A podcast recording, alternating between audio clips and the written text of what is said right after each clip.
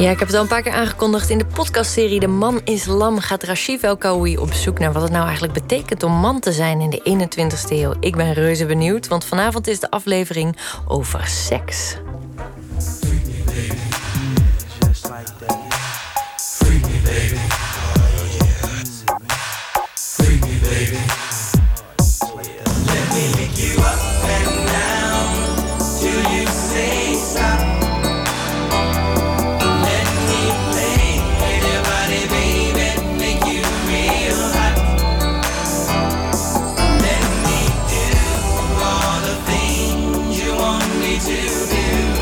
Dat was Silk met Freak Me.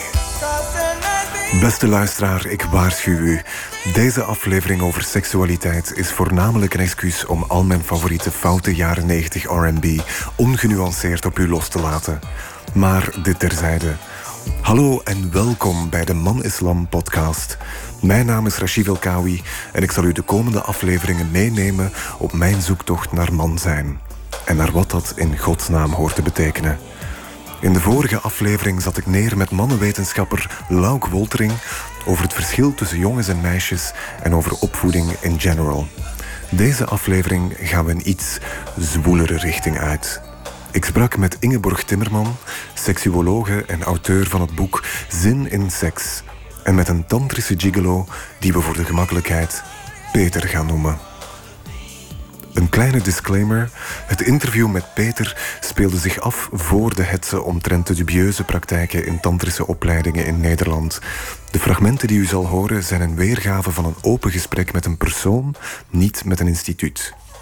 Heel veel mensen eigenlijk met een bepaald soort geconditioneerd idee rondlopen over wat seks inhoudt, over hoe je moet gedragen als seks. Er zit heel veel schaamte, taboe, schuld zit erop. Vrouwen hebben een bepaald idee wat ze vooral niet moeten doen. En mannen hebben een bepaald idee dat als ze eh, heel veel seks hebben, dat ze heel stoer zijn. En eh, al die dingen die zorgen er eigenlijk voor dat het heel lastig is om ontspannen te zijn over seksualiteit. Terwijl dat eigenlijk bijna een soort grove ontkenning is van wat je om, de, om je heen ziet in de wereld. Alles draait om seks. Reclames draaien om seks. Alles.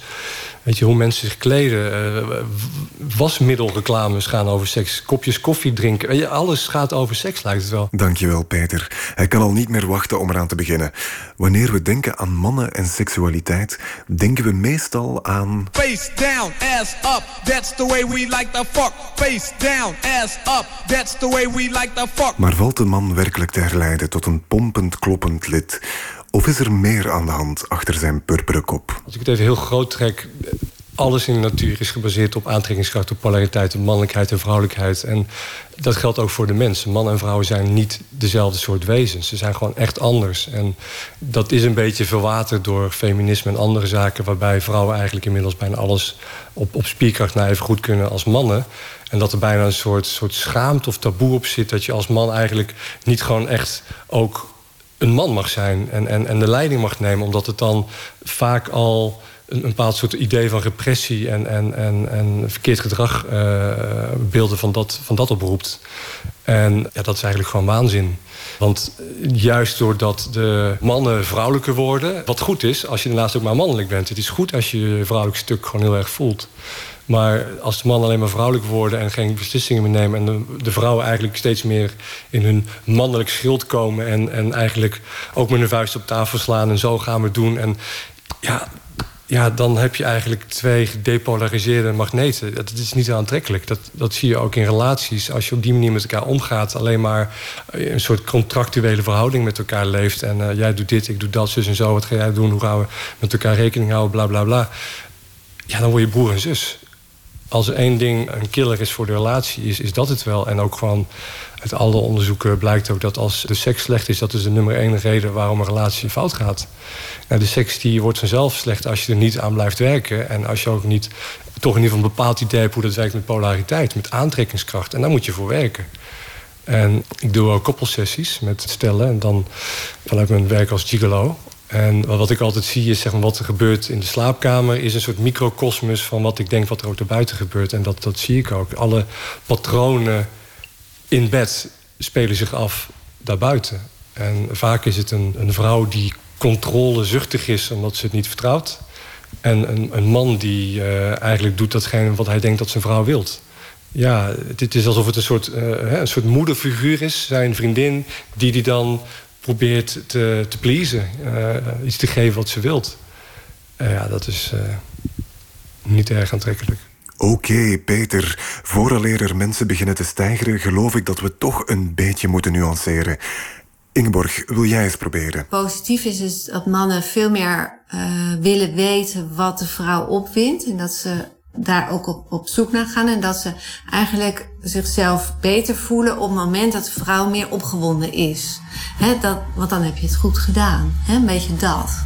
En het is natuurlijk ook zo dat sommige mannen ook meer opgewonden worden van een opgewonden vrouw. Ik bedoel, he, een niet opgewonden vrouw is, waarschijnlijk ook veel minder opwindend voor een heleboel mannen. sommige mannen maakt het niet uit. dus mannen die een beetje gaan op hun eigen kracht en eigen opwinding, boeit het eigenlijk niet. Die hebben helemaal niet zo in de gaten of hun partner wel of niet opgewonden is. Maar je hebt ook een groep mannen die daar juist wel heel erg gevoelig voor is. En die daar een soort nou ja, werkstukje van maken in bed, hè, bij wijze van spreken. En dan zijn ze iets af van hun eigen gevoel. En dat is soms ook wel jammer. Hè? Dat, dat, dat is denk ik dat stu stukje lam zijn. My mind's telling me no. But my body, my body's telling me yes.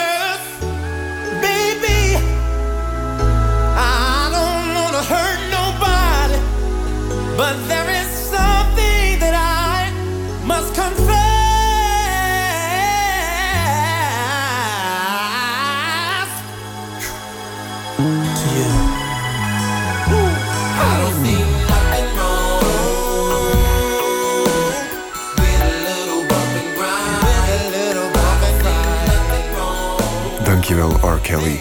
Er is inderdaad niets mis met a little bump and grind. De gemoederen zijn wat bedaard. Peter, het woord is weer aan jou. Ik heb sessies met vrouwen. En ik heb sessies met stellen. Nou, heel kort gezegd, in een sessie met een vrouw open ik haar seksueel. Zoveel als dat zij uh, kan openen. Dus ik heb seks met haar. En ik creëer een, een, een omgeving waarin zij zich veilig voelt, uh, gezien voelt, heel belangrijk. En waarin ze zich durft ontspannen en, en kwetsbaar op te stellen. En dat werkt alleen maar als ik mezelf ook kwetsbaar opstel.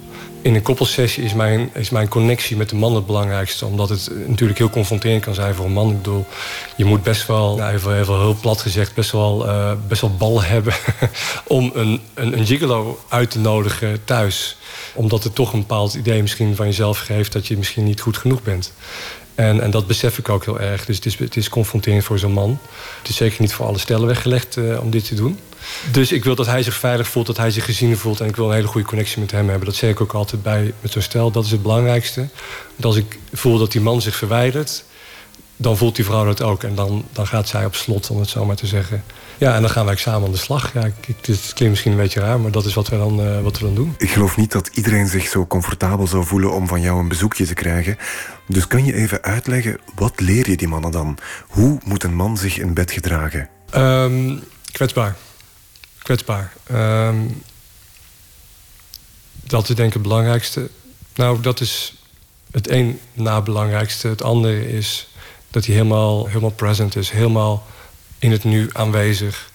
Bij de vrouw blijft. En echt connectie met haar houdt. Mannen hebben geen idee hoe intiem het is om nou ja, gepenetreerd te worden die, die weten niet wat dat betekent. Behalve als ze zelf gepenetreerd zijn. Dan weten ze hoe, hoe, hoe, hoe heftig dat is. En het is heel pijnlijk voor een vrouw om, om met iemand te zijn die, die echt binnen hun komt, letterlijk die eigenlijk in, in, in zijn hoofd zit of denkt bezig is met hoe die moet presteren of bezig is of die, uh, of die wel uh, ja, of, of die wel een erectie kan krijgen. En het, het, het is heel pijnlijk. En mannen hebben misschien het idee dat vrouwen dat niet voelen, maar ze voelen het heel goed. Vrouwen voelen het allemaal.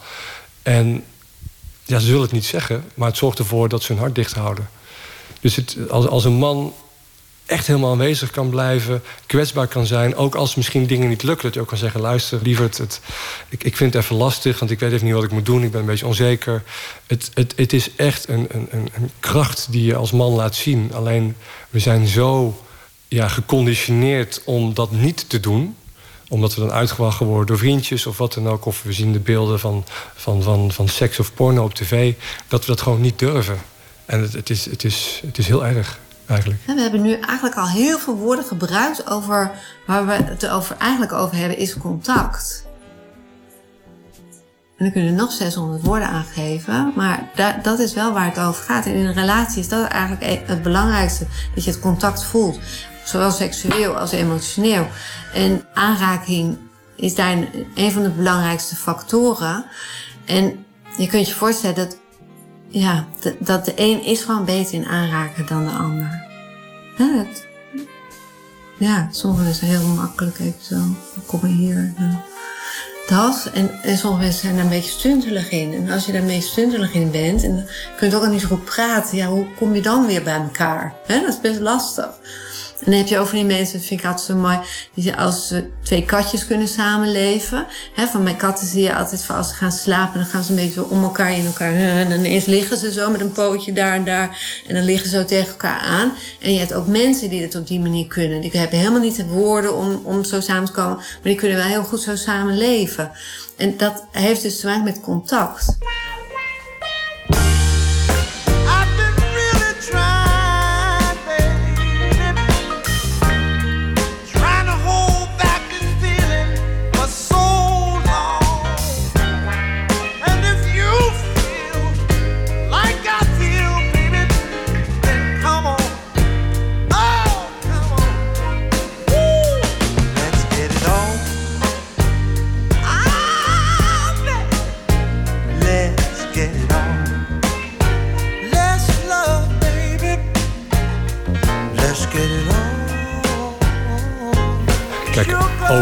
Vereist inderdaad dat iemand anders de leiding neemt. Want, want anders, ja, waar geef je aan over? Um, vereist ook dat een vrouw de man moet kunnen vertrouwen. Uh, en dat is lastig met de hedendaagse mannen, zeker in bed. Maar de leiding nemen vereist juist dat je heel kwetsbaar bent, dat je heel empathisch bent. Het, het is niet zozeer dat je. Er is niet zo aantrekkelijk voor een vrouw als een, als een man die vrouw echt begeert. Dat de man eigenlijk die vrouw wilt verscheuren. Dat is, het, dat is, het woest, dat is woest aan trek. Dan wordt ze echt begeerd. En dat is wat de vrouw het liefst wil voelen. Dat de man echt wilt. En dat hij dus ook doet wat hij wilt. Alleen het moet wel, en, en dat is voor heel veel mannen heel lastig te begrijpen. Behalve als je heel veel mee bezig bent. Het moet wel aansluiten bij. Ja, ik noem het altijd maar het deurtje wat die vrouw op dat moment open heeft staan. Het moet aansluiten bij de energie die ze op dat moment heeft. Als zij een hele, hele zachte, kwetsbare positie is dan kan de man de lijn nemen. Dan moet hij ook zacht en kwetsbaar. Dan moet hij ook zacht haar benaderen. Langzaam zijn. Misschien eerder strelen, haar aankijken. Uh, uh, op die manier rustig het opbouwen. De, wat we wel noemen, eigenlijk het, de feminine uitnodigen om naar hem toe te komen. Maar hij neemt wel de leiding. Maar het kan ook zijn dat ze, dat ze met de vuur in de ogen schiet... omdat ze gewoon heel opgewonden is en denkt van... neem mij, nou dan, dan kan de man daarin de leiding nemen... maar dan kan het ook veel, veel, veel ja, ruwer, veel meer uh, met meer passie. Heel veel vrouwen zeggen dat ze in bed een dominante man willen. Dus dat, dat hun dat opwint. Van een man die gewoon hoe gaat de, nou, hè, en, het allemaal bepaalt. En dat voel jij wel aan, dat ze een dominante man willen, maar dat jij die rol niet echt hè, wil. Een vrouw wil eigenlijk, zoals ik het zie, een man hebben die de leiding neemt. Maar iemand, het, het moet wel iemand zijn waarvan ze voelt dat hij betrouwbaar is. En wat je heel vaak ziet is een man wel... Die, die krijgt dan wel het gevoel van dat hij eens een keer leiding moet nemen... maar dan weet hij eigenlijk niet goed hoe. En dan zit een soort onderliggende eh, energie op van dat hij iets doet omdat hij denkt dat de vrouw wil dat hij dat doet. En dat, dat is heel onaantrekkelijk voor een vrouw. Dat, dat, dat noemen we ook de pleaser. Er is een heel mooi boek over geschreven door Robert Glover. No More Mr. Nice Guy. Ik zou zeggen, dat zou echt elke man moeten lezen. Voor mij was het een eye-opener. En uh, ik denk dat ik en 95% van al mijn vrienden... of nice guys of recovering nice guys zijn. En, maar dat is eigenlijk wat een vrouw wil. Ze kan het zelf, maar ze wil het niet altijd zelf doen. Ze wil ook gewoon eens ontspannen. Maar uh, we zitten zo in een mannenmaatschappij... dat we eigenlijk op een bepaalde manier, zowel de mannen als de vrouwen, hebben ons eigen gemaakt om te redeneren zoals mannen redeneren. Dus we praten heel erg van een rechtlijnige A naar B. Uh, we gaan van hier naar daar. En als, als je tegen een vriend zegt, nou, vorige week zei je dit en nu zeg je dat, en dat is niet consequent, dan zal je zeggen, ja, je hebt gelijk, het klopt niet. Of als je tegen een vrouw zegt, dan het heeft geen zin. Het, het is een bepaalde manier van denken. Een vrouw is veel is veel sensitiever dan mannen. Die, voelen veel meer. Dus, dus iets wat ze gisteren gezegd heeft, kan vandaag al niet meer waar zijn. En als je als man, dat, dat, dat ken ik bij mezelf ook, wat ik vroeger veel deed. Als je dan tegen je vriendin gaat zeggen van luister, wat je gisteren zei, dat is helemaal niet consequent met wat je nu zegt. En toen zei je dat en zus en zo, dan daar kan de vrouw niet zoveel mee. Oei.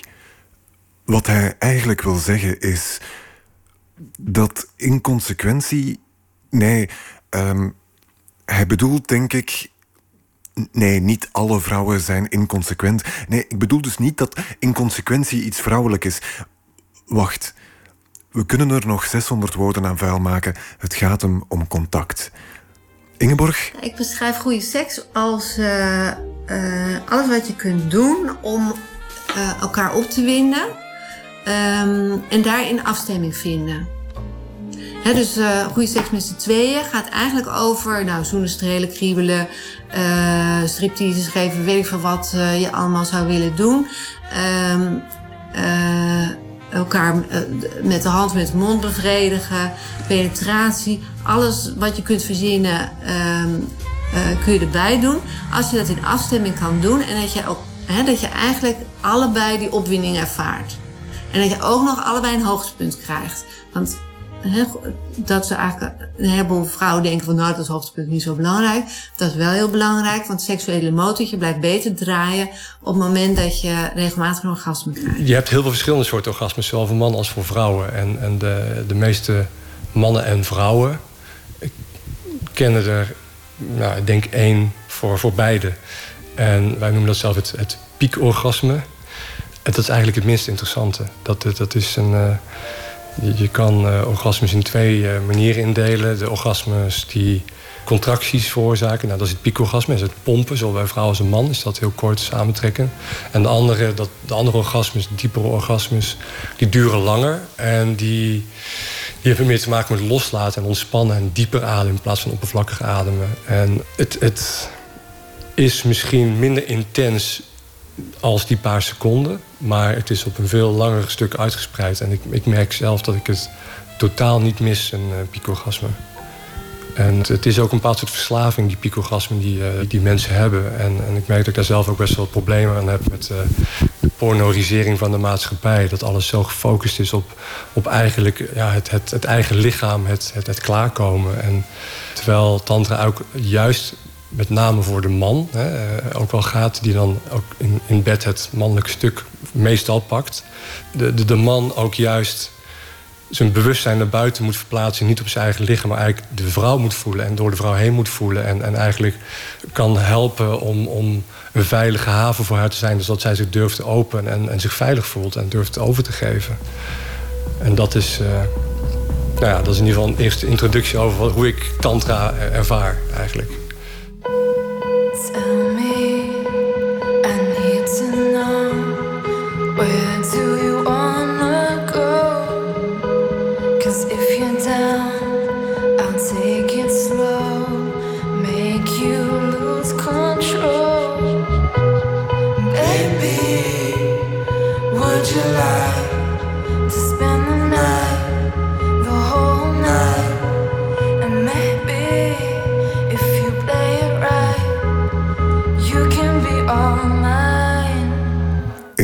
Aflevering vertelde ik hoe mijn zoektocht naar man zijn ook een persoonlijke zoektocht was.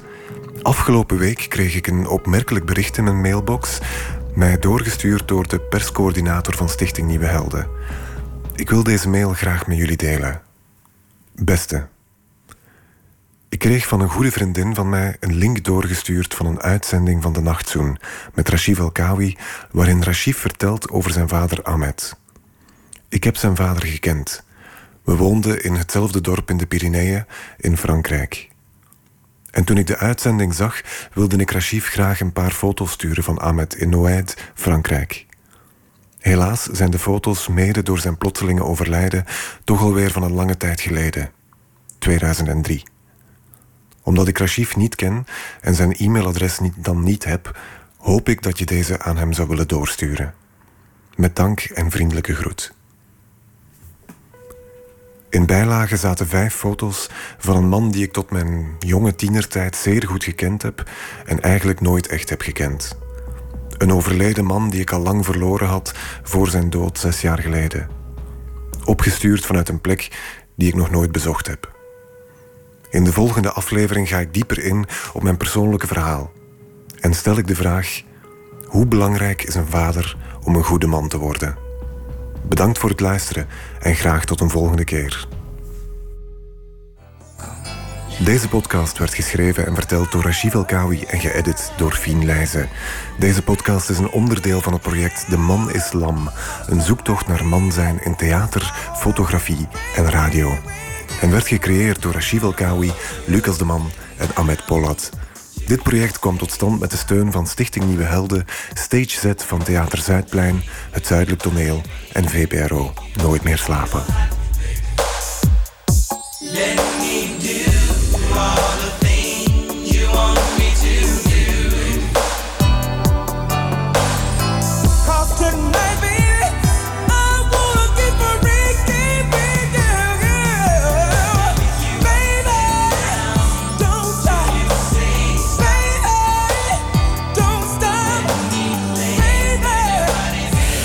De laatste keer dat ik dit nummer hoorde was, uh, denk ik, dat ik stond te schuren op een uh, middelbare schoolfeest. Wow, that brings back memories. Goed, u hoorde de derde aflevering van De Man is Lam.